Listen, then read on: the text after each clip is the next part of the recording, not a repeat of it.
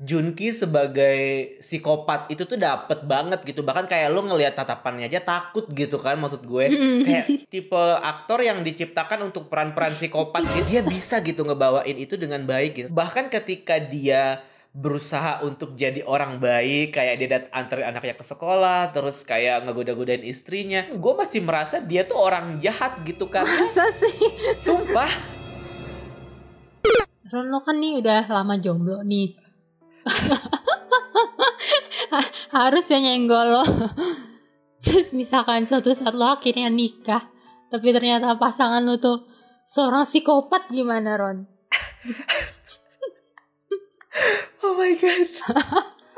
wow, itu pertanyaannya sangat mendalam sekali ya. Tapi kemungkinannya ada dua sih. Gue akan sangat eh, menikmati ya eh, roller coaster kehidupan dengan semua tantangan ini.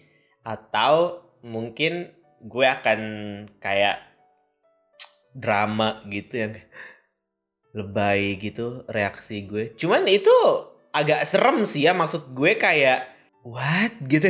Masa sih lo nggak tahu ada sesuatu yang aneh gitu sama pasangan lo gitu sebelum lo menikah gitu. Selama ini Randa ternyata tiba-tiba eh, psikopat gimana? Iya sih gue sempat kepikiran itu pas nonton ini. Gimana ya kalau Ra- Randa yang tampak sempurna di mata gue sekarang terus ternyata dia ini tapi gue gue nggak gue nggak kebayang sih tapi maksud gue ka- kalau kalau sisi gue yang drama mungkin itu akan ngerasa kayak, kayak mari kita nikmati gitu ya terus abis itu gue bisa bikin thread twitter gitu kan terus viral terus abis itu gue bisa eh dapet tawaran buat dibukuin gitu thread gue atau tiba-tiba dijadiin film sama MD mungkin gue seneng sih kalau kayak gitu tapi untuk impact ke pribadi gue sendiri mungkin gue harus mempertimbangkannya lebih lebih dalam kali ya Tapi masih ada kemungkinan lo menikmatinya ya. Oke untuk Iya. para psikopat silakan hubungi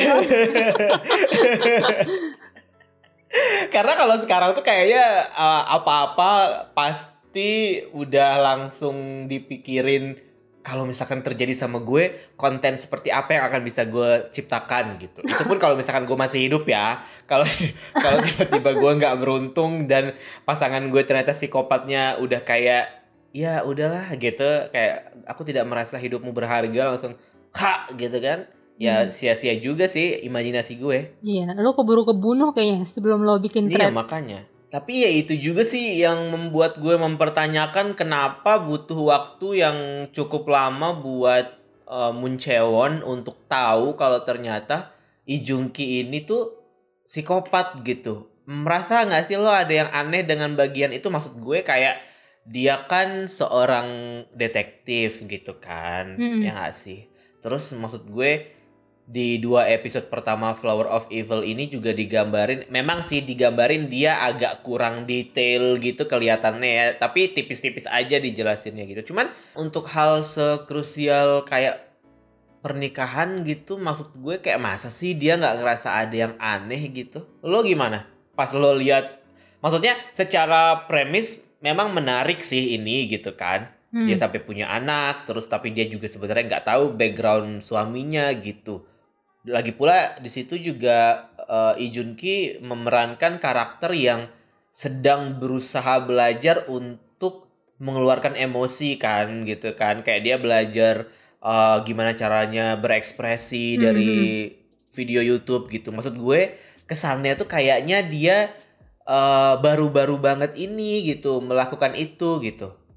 Lo ngerasa gak sih ada plot holes di situ sebenarnya? Iya, jadi kayaknya kalau dari dua episode ini gue sih gue ngelihatnya si Hisung ini sebenarnya tipikal psikopat yang bukan psikopat yang suka meng apa ya? Suka mencari-cari kepuasan tersendiri dia dengan ngebunuh gitu. Cuman kayaknya dia tipe psikopat yang dia tuh nggak punya rasa kasihan, dia tuh nggak kayak mati rasa nonton film aja dia nggak tahu dia harus ketawa di mana, dia harus sedih di mana. Cuman ya itu dia akan akan bangkit kalau diganggu aja gitu. Tapi kalau misalkan dia nggak diusik atau apa dia kayak tipe psikopat yang bisa hidup tenang di dalam masyarakat Oh, gitu loh. iya, ahli banget lo ya soal persikopatan. Tapi ini sebagai sebuah judul drama Korea yang menggambarkan kehidupan mental pemeran utamanya gitu ya, Flower of Evil ini menurut lo gimana? Maksud gue kan kita udah banyak ya ada drama Korea yang thriller yang juga melibatkan pembunuh berdarah dingin gitu, seorang psikopat gitu. Hmm. Kalau di dua episode pertama sih gue terbilang sangat wow, tapi ada bagian-bagian yang gue merasa kayaknya eh, terlalu diulur-ulur gitu. Maksudnya terlalu dilama-lamain Oh gitu. gitu. Menurut gue malah justru ini pacingnya udah lumayan cepet. Nggak tahu ya, gue sih udah sayang banget nih sama keluarga kecil ini kayak bener-bener di episode 1 sama 2 tuh eh, manisnya keluarga mereka tuh kan bener-bener udah tergambarkan banget kan. Kayak Mm-mm. kayaknya gue kalau jadi Jiwon juga mungkin gue kayak tutup mata gitu deh kalau suami gue kenapa-napa gitu. Cuman Hmm. uh, di ending episode 2 kan kita udah langsung disuguhin sama si peristiwa pembunuhan malam hari itu yang akhirnya akan jadi apa pembuka jalan buat kecurigaan-kecurigaan Jiwon ke suaminya sih. Jadi kayaknya episode 3 nanti si Hisung ini udah mulai kelabakan gitu untuk menutupi jati diri dia lagi. Oke, sebelum kita bahas lebih lanjut, mungkin eh, buka dulu kali ya episode ini kita akan ngebahas soal Flower of Evil. Ini adalah drama Korea baru yang diperankan oleh Lee Jun Ki dan juga Moon Chae-won sebagai pemeran utama. Nah, kalau untuk chemistry dan kualitas acting, gua rasa kayak oke lah ini megang banget. Sama kayak lo tadi yang lo bilang, lo sayang banget sama keluarga kecil mereka. Gue juga ketika pertama kali nonton kayak wow Iya. sweet banget, Iya, iya. nggak sanggup gitu kayak mereka tuh bisa gitu menampilkan chemistry yang Iya, benar.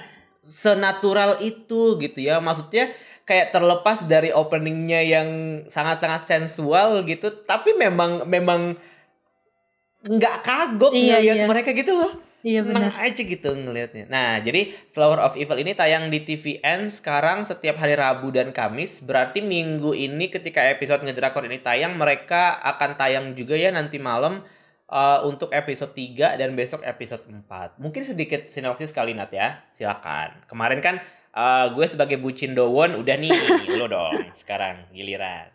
Iya, jadi ini bercerita tentang eh, Jiwon dan Hisung. Jadi mereka nih pasangan suami istri yang udah dikaruniai, eh, dikaruniai seorang anak cewek yang lucu gitu.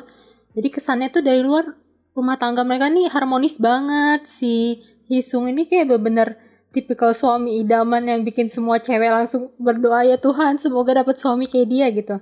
Cuman ternyata eh, jadi si cewek istrinya ini kan si Jiwon ini seorang detektif gitu kan detektif yang pinter lah beberapa kali kita diliatin dia tuh eh, berhasil gitu mecahin kasus-kasus kejahatan di kantor polisi gitu. Sedangkan si Hesong ini dia kayak ya suami normal pada umumnya gitu kerja, tapi dia tuh kerjanya sebagai apa sih pengrajin logam gitu kan. Jadi kayak punya bengkel toko tersendiri gitu. Nah, eh, yang jadi masalah kemudian adalah ketika eh, awal mulanya nih dari si pengacara ini sih menurut gue. Sorry maksud gue wartawan.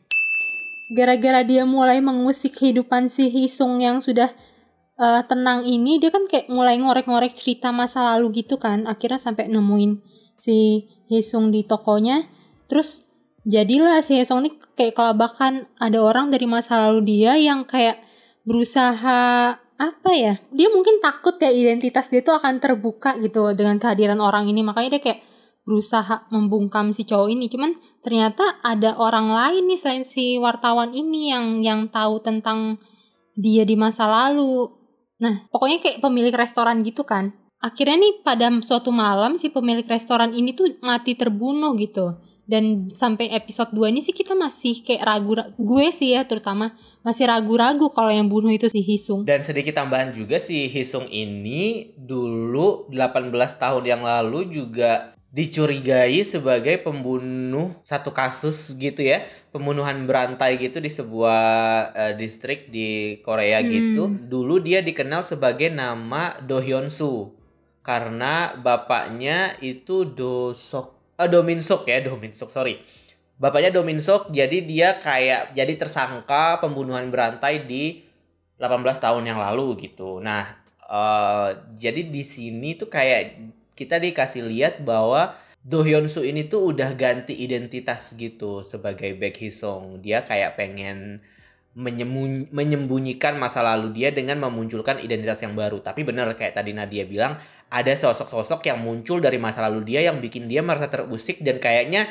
kehidupan gue yang tenang ini bakalan bakalan nggak bisa gue dapetin lagi nih kalau mereka terus ada gitu. Jadi kepantik lah tuh uh, jiwa psikopat dia muncul lagi gitu di saat yang sama juga masalahnya uh, ada beberapa kasus di dua episode awal ini yang tiba-tiba memunculkan nama Do Min Sok dan juga si Do Hyun Soo gitu. Oke, okay.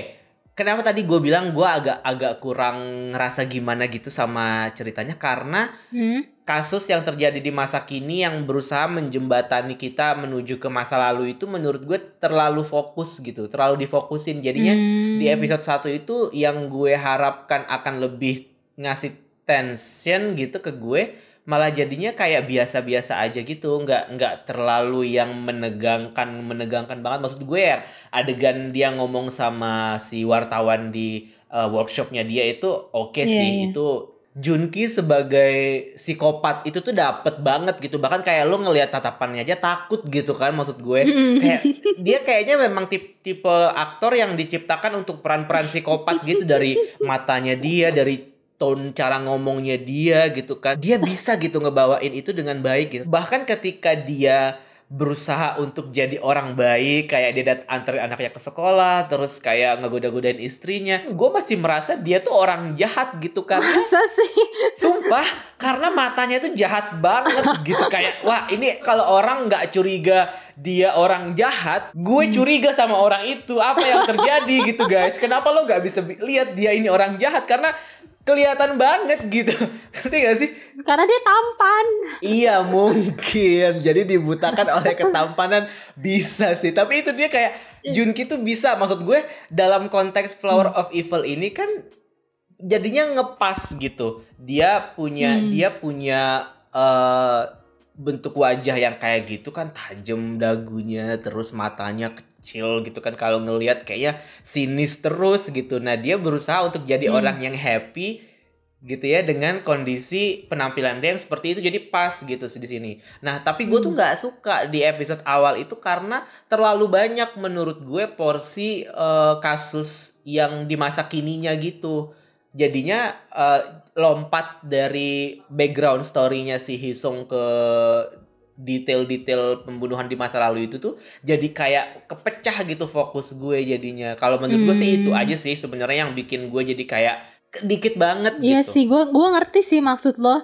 Mungkin karena gue yang udah kelewat uh, kelewat menyukai si Junki kali ya. Jadi kayak oh gue menikmati aja gitu. Apalagi menurut gue Junki sebagai kayak apa ya? Ini tokoh dia di sini tuh mengingatkan gue sama tokoh dia di Moon Lover banget sih Hmm. Sosok yang orang tuh serem, orang tuh kayak menghindari dia, dia tuh kesannya aneh dan dan menyeramkan segala macam. Cuman sebenarnya dia tuh kayak monster yang pengen disayang gitu. Hmm. hmm, hmm. Jadi gue kayak langsung oh Junki gitu. Gue jadi ingat intermezzo dikit ya. Uh, waktu itu episode Knowing Brothers yang ada si Junki sama Ayu.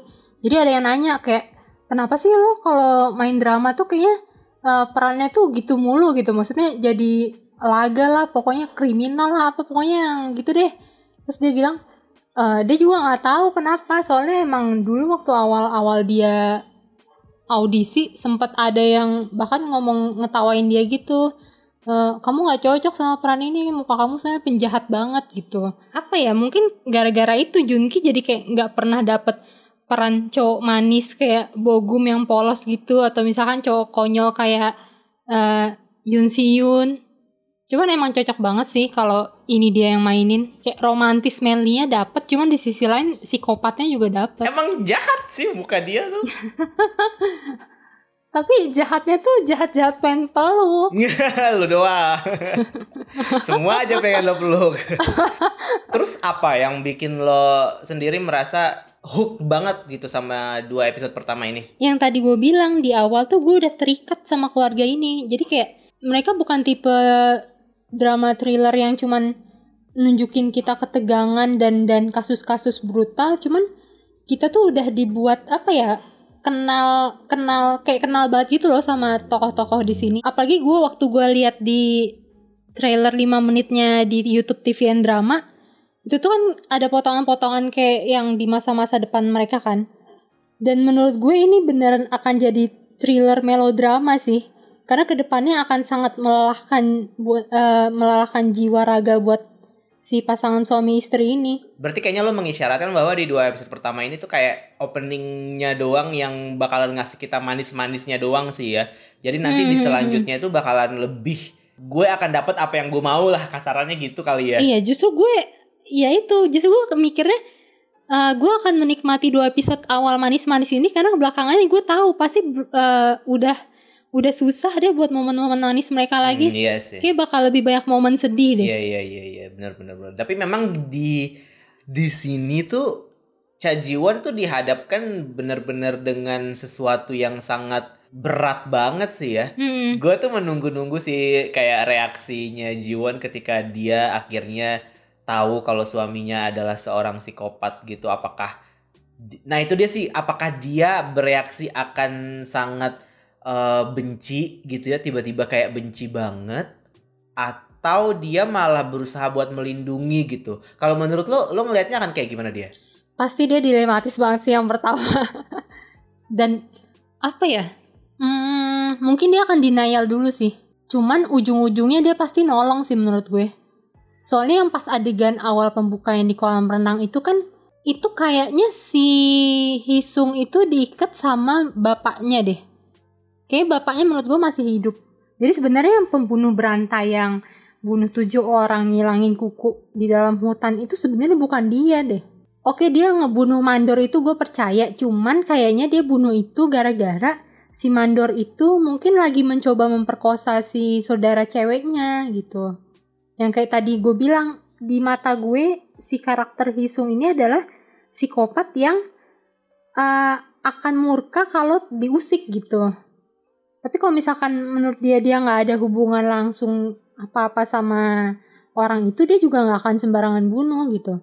Bahkan yang wartawan itu pun dia nggak ngebunuh kan. Hmm, ya. Sejauh ini memang kita belum tahu sih banyak soal karakternya si Jungki di sini bakalan seperti apa pergerakannya. Tapi tapi dia udah nunjukin uh, kecenderungan kalau dia merasa ada orang yang mengganggu, dia akan ngabisin orang itu. Nah, di ending episode 2 ada satu sosok yang muncul pakai jas hujan terus dia uh, ngebunuh salah satu teman dari masa lalunya si Hisong gitu kan. Menurut lo orang itu dia nggak sih si Hisong nggak sih? Karena kalau lihat dari dia minta obat tidur sama ibunya yang kebetulan adalah seorang apoteker, terus uh, dia uh, adegan berikutnya ada adegan pembunuhan, terus adegan berikutnya lagi ternyata si Jiwon bangun kayaknya mengindikasikan kayak kayaknya dia dikasih obat tidur karena dia sendiri kayak kok gue tiba-tiba tidur? gitu kan dia nggak tahu. Terus dia ngelihat suaminya baru pulang dengan jas hujan. Kalau menurut gue sih menurut gue itu adegannya sebenarnya mimpi sih. Karena uh, di satu sisi gue ngerasa kayak nggak ngelihat dari flow-nya di episode 1 dan episode 2 kayaknya nggak akan secepat ini sih dia dia uh, tahu gitu atau enggak diungkap gitu menurut gue itu kayaknya masih adegannya masih adegan mimpi sih gara-gara dia kayak kebawa sama obrolan-obrolan sebelumnya soal pembunuhan di Yonju dan segala macam gitu. Kalau lo gimana? Lo merasa uh, itu sebenarnya salah satu bentuk dari si Hisong yang ke trigger dan kemudian dia merecall kembali semua jiwa psikopatnya dia atau malah lo setuju sama gue? Jadi maksud lo mimpinya tuh itu mimpinya Hisung bukan mimpinya si istrinya. Mimpi istrinya maksud gue. Oh mimpi istrinya. Kalau menurut gue itu bukan mimpi sih beneran beneran kejadian cuman uh, dia minta obat tidur itu bukan untuk ngebunuh si pemilik restoran itu gitu. Karena kan sebelumnya waktu yang dia telepon pemilik restoran itu dari jauh kan uh, sempat ada yang ganjil kan pemilik restoran itu bilang ada yang ngaku jadi Hyunsu bilang mau eh enggak dia nggak ngomong orang itu nggak ngomong Hyunsu malah dia sendiri yang menyimpulkan itu Hyunsu karena uh, dia ngerasa ada melakukan kesalahan kan yang waktu si siapa Hisung udah capek-capek bantuin dia cari dompet di hujan-hujan malam-malam malah, ditusuk, ditikam gitu. heeh. Uh, cuman kan dia langsung bilang kan itu bukan Hyunsu gitu kan Hyunsu sudah mati gitu jadi dia sendiri yakin gitu. Itu bukan dia kok yang nelfon itu pasti orang ngaku-ngaku aja gitu. Jadi menurut gue dia emang nggak ada nggak ada niatan untuk membunuh. Toh si wartawan itu pun yang udah ada di di rumahnya sendiri pun nggak dia bunuh gitu. Dia ngasih obat tidur ke istrinya untuk ngeluarin si wartawan itu menurut gue. Terus kalau menurut lo yang yang ada lagi nih hal ganjil lainnya kan hubungan antara si Hisung sama kedua orang tuanya. Menurut lo tuh gimana tuh hubungan mereka? Ngelihat dari track record mereka sih kayaknya memang orang tuanya ini tuh suka menutup-nutupi kesalahan gitu karena mungkin mereka orang kaya atau apa gitu ya. Jadinya mereka bisa melakukan apa aja buat uh, menutupi masa lalunya. Cuman yang ibunya sih oke okay lah nggak terlalu bermasalah. Tapi bapaknya sih.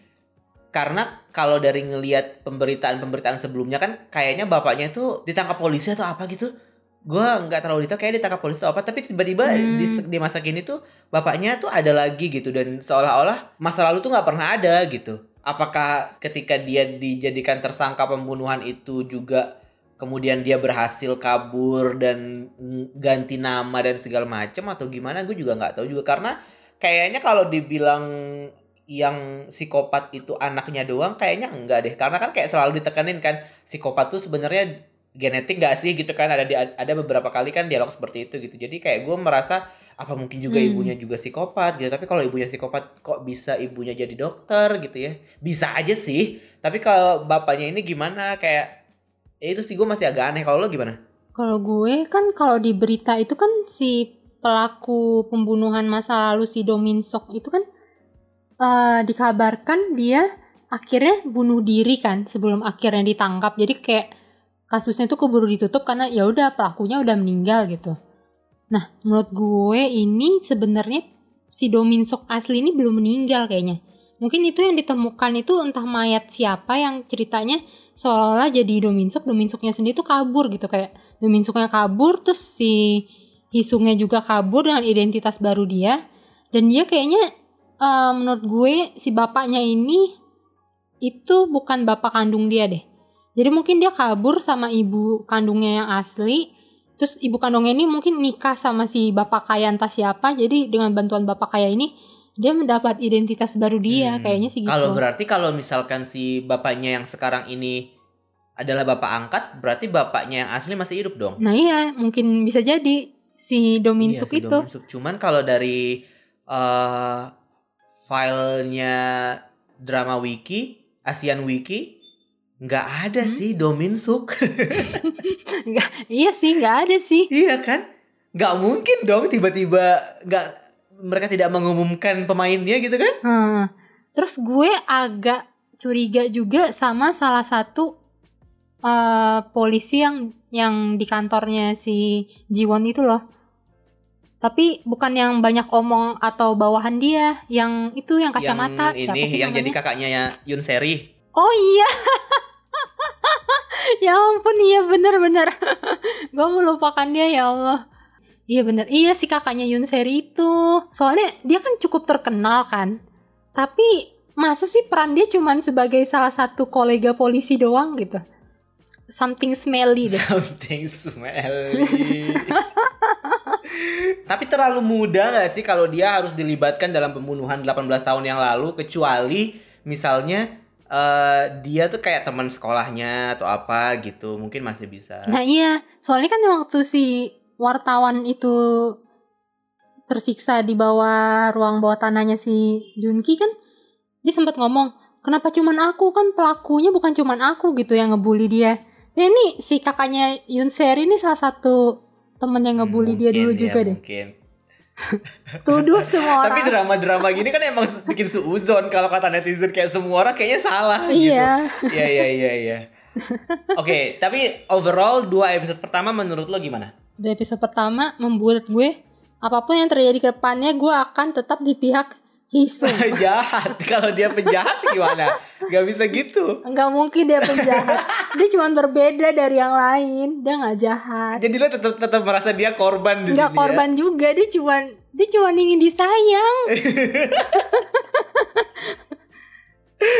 Kalau gue udah mencium aroma-aroma nice guy gitu sih kayak ya kok gue bisa mendukung eh, orang yang salah gitu kan kalau nice guy kan gitu kan ya sebenarnya karakternya Jungki di situ dia nggak 100% bener tapi Mm-mm. dia cuman bertindak karena pada saat itu genting dan menurut dia itu yang necessary untuk dilakukan gitu kan Mm-mm. makanya makanya jadinya judul dramanya jadi sebenarnya di, di- di dunia ini tuh nggak ada orang yang benar-benar baik gitu karena Mm. sesuai situasi mereka akan bereaksi ya bisa aja salah gitu gue rasa sih Junki ini juga kayak gitu sih ya sebenarnya dia salah tapi kesalahan dia itu karena situasi yang memaksa dia gitu Iya, dan dia bukan pembunuh utamanya. Iya dia bukan pembunuh utama. Kalau kalau itu gue setuju sih. Kalau makanya gue masih berpikir eh ya gue masih bisa memaafkan sih. Walaupun ya itu tadi gue tidak tidak bisa memungkiri fakta bahwa ya tampang dia sebagai psikopat ini sangat meyakinkan banget sih gitu.